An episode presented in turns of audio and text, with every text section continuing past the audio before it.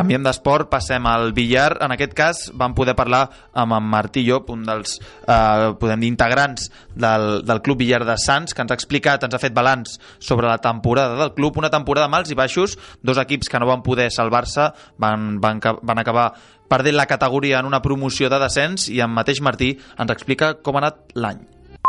Doncs pel que fa a la Lliga Catalana de tres bandes, val? El primer i el segon equip han perdut la categoria, el primer equip ha baixat de primera a segona catalana i l'equip del segon equip ha, baixat de segona catalana a, tercera. Val? Nosaltres teníem, dins de les tres categories, tenim quatre equips, el, el tercer i el quart equip que han jugat a tercera catalana ho han fet força bé i ha pogut participar la majoria de grups de, de socis del club que no tenen un nivell tan fort com per jugar a les altres dues categories i el, malauradament el primer equip va fer una primera volta decepcionant, podríem dir, sent autocrítics,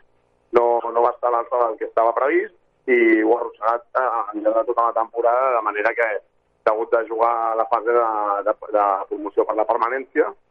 en la qual es va perdre el, clarament el partit, tant el d'anada com el de tornada, i després el segon equip es va trobar en una circumstància similar, que també va haver de jugar a la fase de promoció de permanència, però independentment del que hagués fet, el primer equip, l'haver perdut una categoria, arrossegava automàticament també el segon equip a perdre la categoria, perquè no hi pot haver dos equips d'un mateix club a segona i a primer. La clau, dir, ha estat la, la, la falta de, de, de, de regularitat, la falta de regularitat i l'haver permès uns a priori assequibles que s'escapessin. Eh, esperàvem una altra cosa,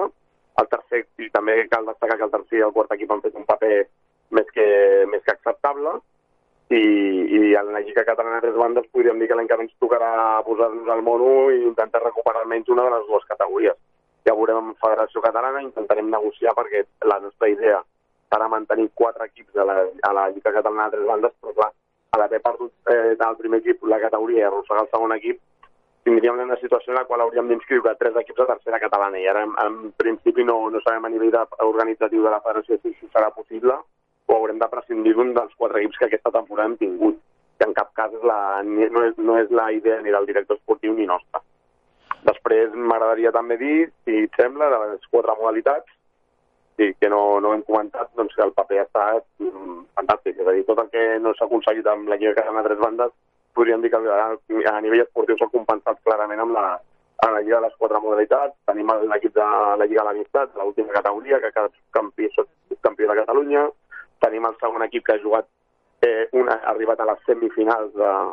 de la Lliga de les quatre modalitats de segona divisió i el primer equip, i contra tot pronòstic, ha quedat segon a tota la fase regular de la Lliga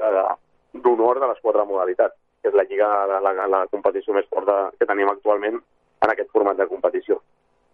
Per tant, el balanç és més que positiu, un equip sub subcampió, un altre equip